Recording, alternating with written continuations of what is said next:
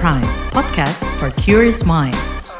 Hai Sapieners, sudah pada makan daging belum nih? Yuhu, hai hai, harusnya udah dongnya. By the way, kami dari segenap FOMO Sapiens mengucapkan selamat Hari Raya Idul Adha 1444 Hijriah bagi Sapieners yang merayakan. So, belated ya. Yuhu, jangan sampai nih kebanyakan juga makan dagingnya ya. Hati-hati kolesterol.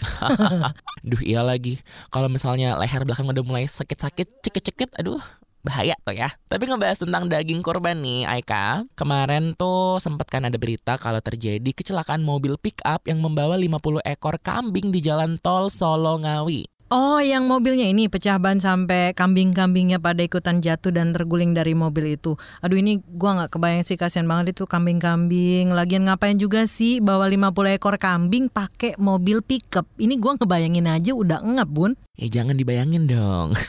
Tapi maksud hati biar irit, eh ini malah ngerugi ya. Tapi by the way nih, selain itu juga ada yang sempat rame nih tentang segerombolan mahasiswa KKN dari Universitas Negeri Padang yang diusir sama warga Bungus Teluk Kabung, Kota Padang gara-gara nyindir fasilitas yang ada di desa tersebut melalui video yang diupload di sosial media. At dah please de ini KKN de bukan staycation. Namanya ya KKN kan kudunya malah ikutan memperbaiki fasilitas di desa itu supaya lebih memadai ya nggak sih? Makanya di video itu tuh mereka bilang di sana nggak ada air, jadi mereka harus mandi di musola dan harus membayar kontrakan untuk tinggal di sono. Astaga naga.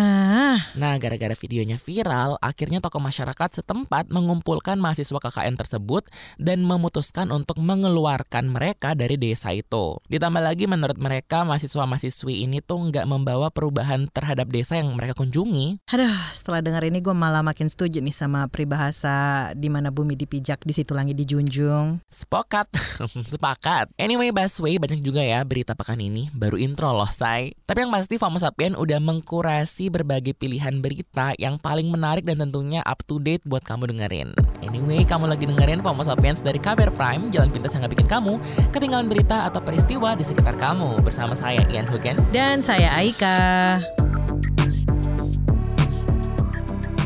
Bun, lagi tapping tumben lo nih cek-cek HP mulu. Kenapa sih? Ini gue lagi manteng ini kasus yang lagi rame banget bun dari awal pekan tuh kasus di KPK itu loh. Oh yang kasus pelecehan terus tiba-tiba kebongkar ada pungli itu ya? Spill dong. Jadi gini nih Sapieners, Dewan Pengawas atau Dewas KPK itu menerima laporan di akhir Januari 2023. Nah pelapor dalam kasus ini nih adalah adik dari salah satu tersangka kasus jual beli jabatan di Pemkap Pemalang yang ditangani KPK sejak Agustus 2022.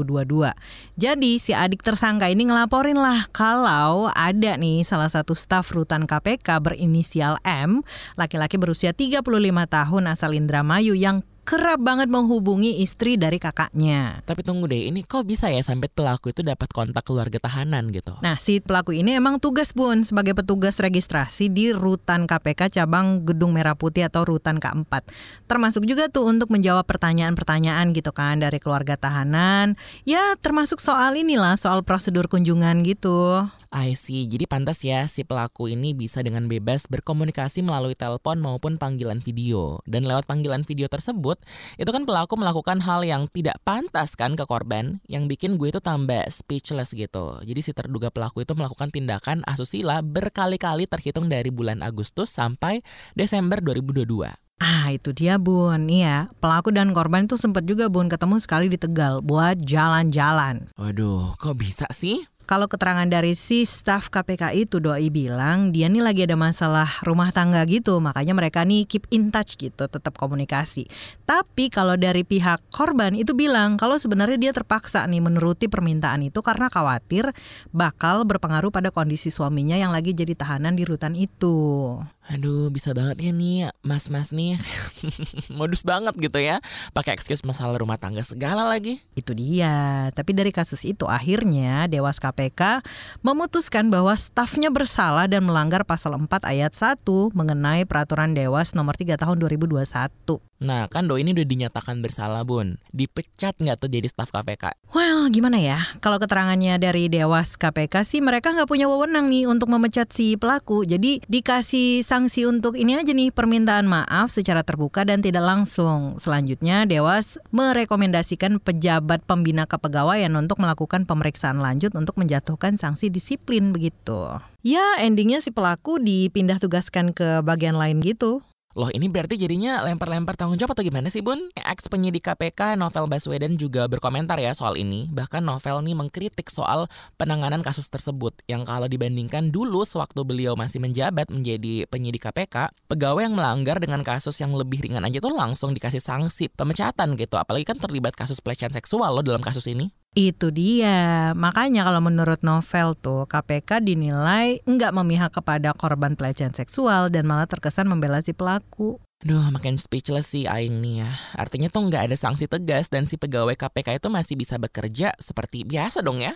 Ironisnya begitu, Sapieners. Jadi KPK sebagai lembaga yang kudunya nih menjunjung tinggi integritas ya harusnya sih tidak mentoleransi pelecehan seksual. BTW, sebenarnya lu tau gak sih Bun, ternyata kasus pelecehan seksual di lembaga anti rasuah itu bukanlah yang pertama Besti. Jadi tahun lalu, Dewas KPK udah menjatuhkan sanksi etik terhadap dua pegawai berinisial SK yang statusnya pada waktu itu staff dan juga DW yang waktu itu sebagai jaksa yang terbukti nih terlibat nih berdua nih ada terjadi terjadi perselingkuhan. Hukumannya pada waktu itu ringan juga sih, cukup meminta maaf.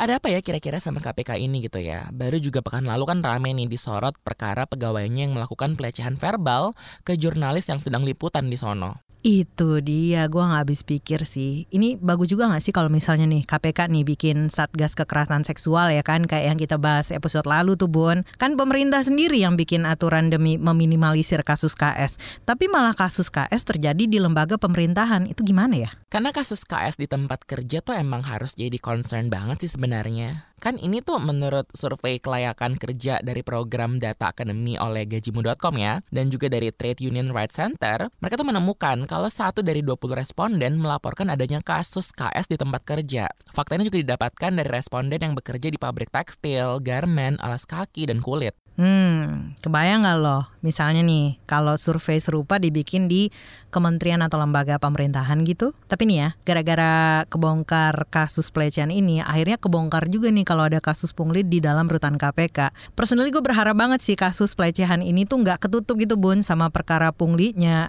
Pokoknya kudu diusut tuntas pakai banget lah. Emang ya, harus kebongkar salah satu kasus dulu nih, baru deh kebongkar yang lainnya juga kalau nggak salah, yang melapor itu kan dari salah satu saksi kasus pelecehannya kan, yang kabarnya pernah dimintain uang dengan alasan untuk kelancaran tahanan selama di dalam rutan. Hah, betul banget. Dan si saksi ini mengaku sudah ngirimin duit bun dengan total 72,5 juta rupiah selama Agustus sampai Desember 2022. No. Ini totalnya berarti mencapai 4M kan? Apa itu 4M? Memakai masker, mencuci tangan, menjaga jarak, menghindari kerumunan. Menghindari keributan saja deh.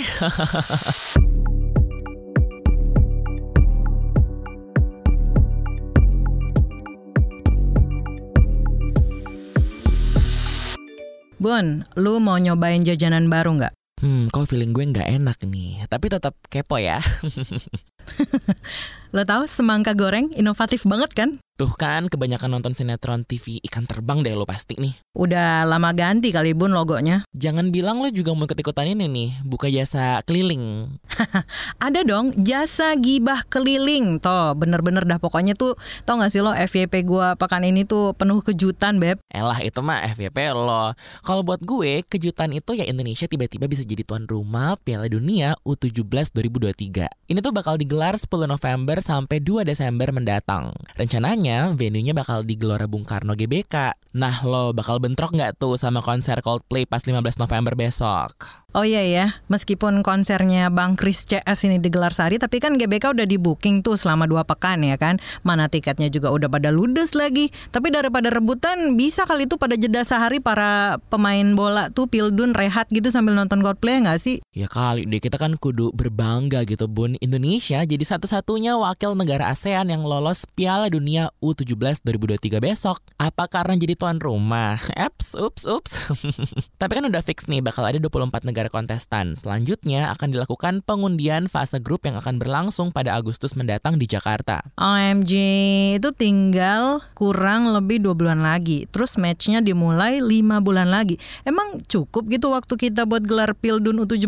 Ini venue-nya aja masih ditinjau nggak sih? Nah daripada kita berdua sotoy, mending lanjutannya kita ngobrol aja nih bareng sama pengamat sepak bola ada Mas Aryo Yosia. Nah Mas Aryo, ini kan kita belum lama nih. Kita gagal nih jadi tuan rumah Piala Dunia U20 ya kan. Tiba-tiba dapat kejutan gitu Indonesia bakal jadi tuan rumah Piala Dunia U17. Tanggapannya gimana nih? Yang pasti sih ini sebenarnya berkah ya, berkah tapi juga disertai tanggung jawab yang besar kan karena kita kan sebelumnya gagal jadi tuan rumah untuk beberapa apa karena beberapa faktor gitu kan. Nah ketika FIFA kembali memberi kesempatan untuk menjadi tuan rumah Piala Dunia U17 mestinya disikapi lebih serius gitu kan bahwa memastikan bahwa event kali ini jangan sampai batal lagi sih. Tapi kalau saya pribadi nih karena saya sempat jadi apa bagian dari LOC Piala Dunia sebagai PR ya, sebenarnya ini sesuatu yang nggak mengejutkan juga sih Mbak Artinya sebelumnya memang ketika rame isu soal Israel tuh di internal Pak Erik sendiri memang sudah sempat apa mengajukan opsi bisa nggak kita tuker ya? Dengan melihat situasi kondisi politik di Indonesia seperti ini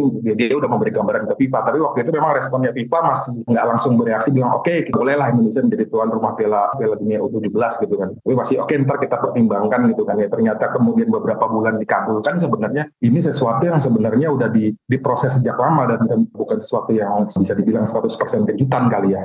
Oke, berarti bisa dibilang ini kayak semacam nego gegara kemarin gagal gitu. Iya iya. Apa memang ini bukan proses yang ujuk-ujuk tiba-tiba datang. Memang artinya ketika ya itu tadi kan ketika gagal jadi uh, menjelang gagal sebenarnya kan. Memang sudah ada apa pemparah pembicaraan untuk mungkin nggak kita mengganti event karena ya waktu itu kan alasannya kan lebih ke masalah pol, apa kondisi politik dalam negeri ya. Waktu itu kan ada isu Israel penolakan di mana-mana gitu kan. FIFA juga diberi beberapa perspektif. Jadi sebenarnya ya tadi kalau dibilang kejutan pun sebenarnya nggak juga. Ini sudah dirancang cuma memang by proses kan. Lagi-lagi kita kan bukan bukan Indonesia ini kan sebenarnya posisinya juga bukan negara yang super power di mata FIFA gitu kan artinya proses negosiasi dilakukan kita menunggu ternyata FIFA merespon permintaan kita dengan dengan menunjuk kita kembali di Piala Dunia U17 Oke, berarti bisa diartikan nih Mas, ini kan buat uh, aku dan Aika yang cukup awam ya dengan dunia persepak bolaan.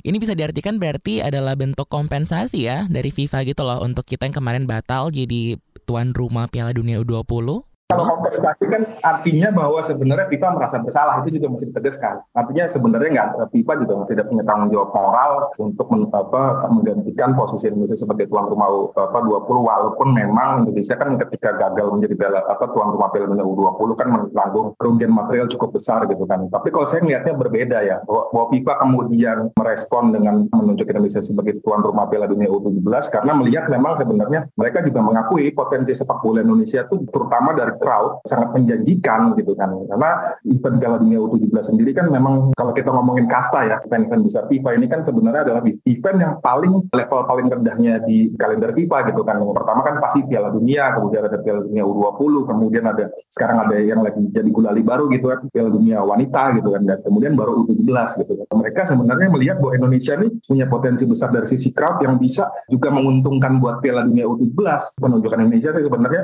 win-win solution kalau lebih tepatnya dibanding kompensasi gitu ya. FIFA juga dalam tidak dalam posisi yang benar-benar menguntungkan. Mereka kan harus mencari tuan rumah pengganti. Indonesia sebenarnya yang paling siap karena kan Indonesia dari mulai ketika ditunjuk jadi Piala Dunia U20 kan sudah melakukan pembenahan-pembenahan infrastruktur dan ketika akhirnya gagal menjadi tuan rumah U20 sebenarnya kan bisa dibilang proses finishing untuk menjadi tuan rumah kan sudah, sampai pada level persentase 90%. Kita punya waktu 4 bulan.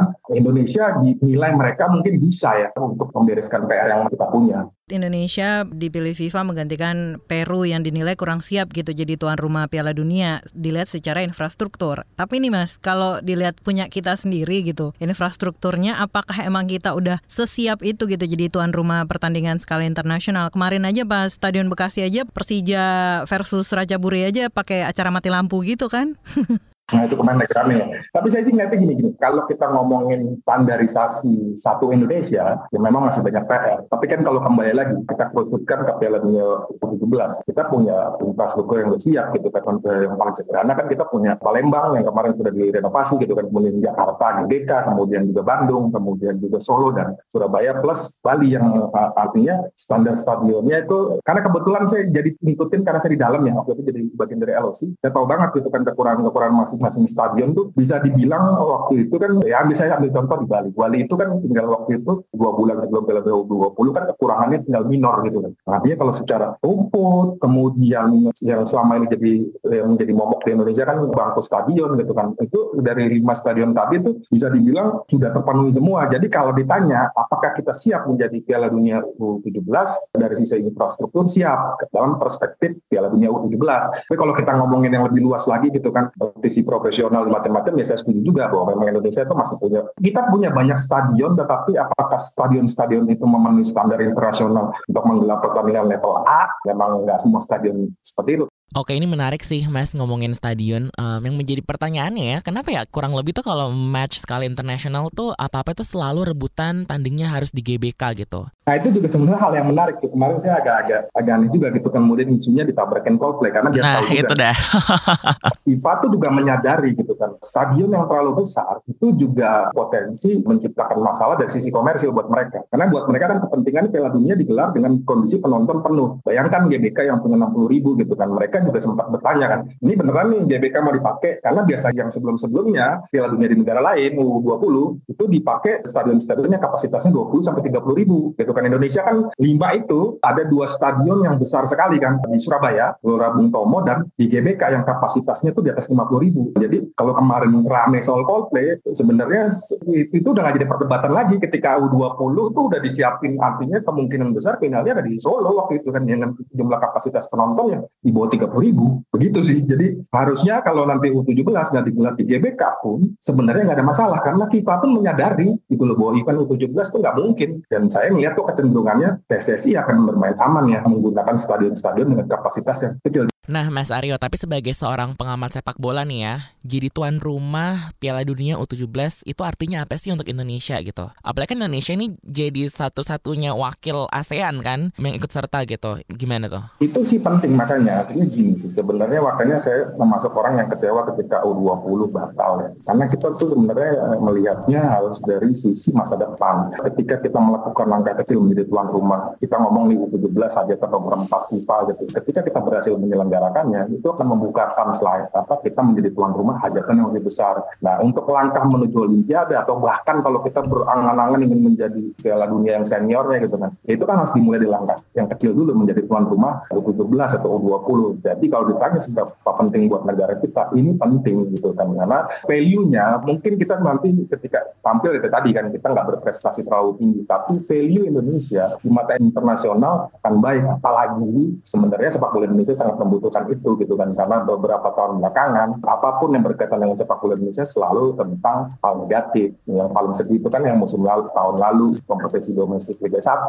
kerusuhan yang melibatkan kita bikin rekor tuh prestasi rekor gitu kan. Tapi bukan dalam arti positif gitu kan. Rekornya adalah jumlah korban gitu kan. Di nomor dua tertinggi di dunia korban jiwa untuk gara-gara nonton sepak bola. Nah itu jadi penting gitu kan untuk pelan-pelan merubah citra sepak bola Indonesia di dunia internasional. Oke, tadi Mas sempat nyinggung sedikit sedikit soal kans kemenangan Indonesia. Berarti rada pesimis nih kalau Indonesia bisa juara nih. Kalau kita ngaku kita mau bisa juara kayaknya ya mimpi boleh, tapi jangan mimpi di siang bolong juga kan. Kayak gini, ini 4 bulan. Kalau U20 itu kan udah 3 tahun mempersiapkannya. Nah yang sekarang ini kan pelatih aja baru ditunjuk kemarin. Gitu kan begitu pengumuman dua hari berselang diputuskan bahwa Bima Sakti. Ya, memang Bima Sakti ini kan pelatih yang juga sebelumnya juga menangani timnas U17 juara di Piala AFF gitu yang mainnya di Sleman gitu kan. Dengan waktu 4 bulan bisa nggak kita menjadi tim yang kom apa, kompetitif? Karena kalau lihat dari peserta nih, Piala Dunia U20 itu sebenarnya agak ringan dibanding dibanding U17 gitu karena di U17 ini negara-negara top tuh ikut serta gitu kan kayak Brazil, Argentina waktu yang Piala Dunia U20 kan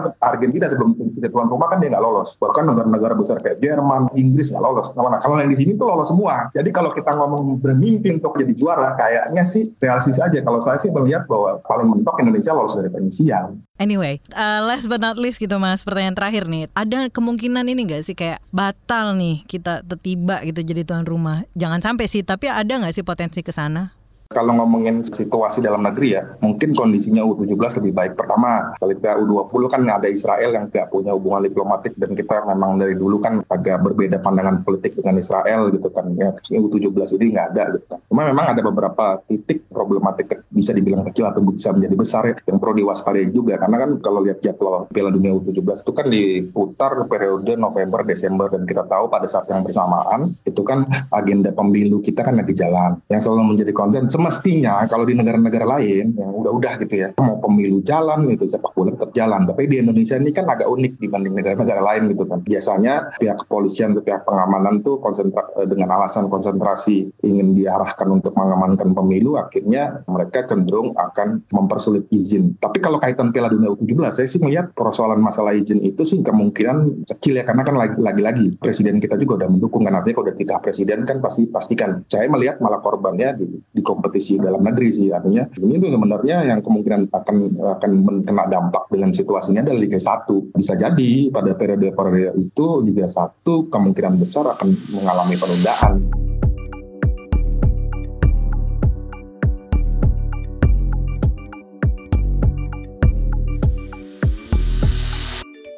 Bun, pekan lalu kan kita sempat discuss nih soal what's so special in June gitu kan. Mm-hmm, terus kenapa tuh? Itu kan lalu adalah our personal opinion ya. Tapi kali ini ada juga nih hari penting yang tidak boleh kita lupakan. Yakni hari yang udah diperingati tuh secara internasional, Bun. Tanggal 26 Juni lalu ternyata tuh diperingati sebagai hari internasional untuk dukungan korban penyiksaan. Oh iya iya iya iya benar-benar. Ini kan berdasarkan konvensi anti penyiksaannya PBB yang mengakui tindakan penyiksaan sebagai salah satu bagian dari kejahatan terhadap kemanusiaan dan juga masuk jadi bagian dari hak asasi manusia atau HAM. Nah, Indonesia pun ternyata udah mengadopsi konvensi ini nih di hukum nasional kita lewat Undang-Undang Nomor 5 tahun 98. Tapi ironisnya nih Sapieners, praktik penyiksaan ini tuh bisa kita temukan dari berbagai kejahatan kemanusiaan yang terjadi di negara ini, khususnya dalam sejumlah kasus pelanggaran HAM yang berat masa lalu.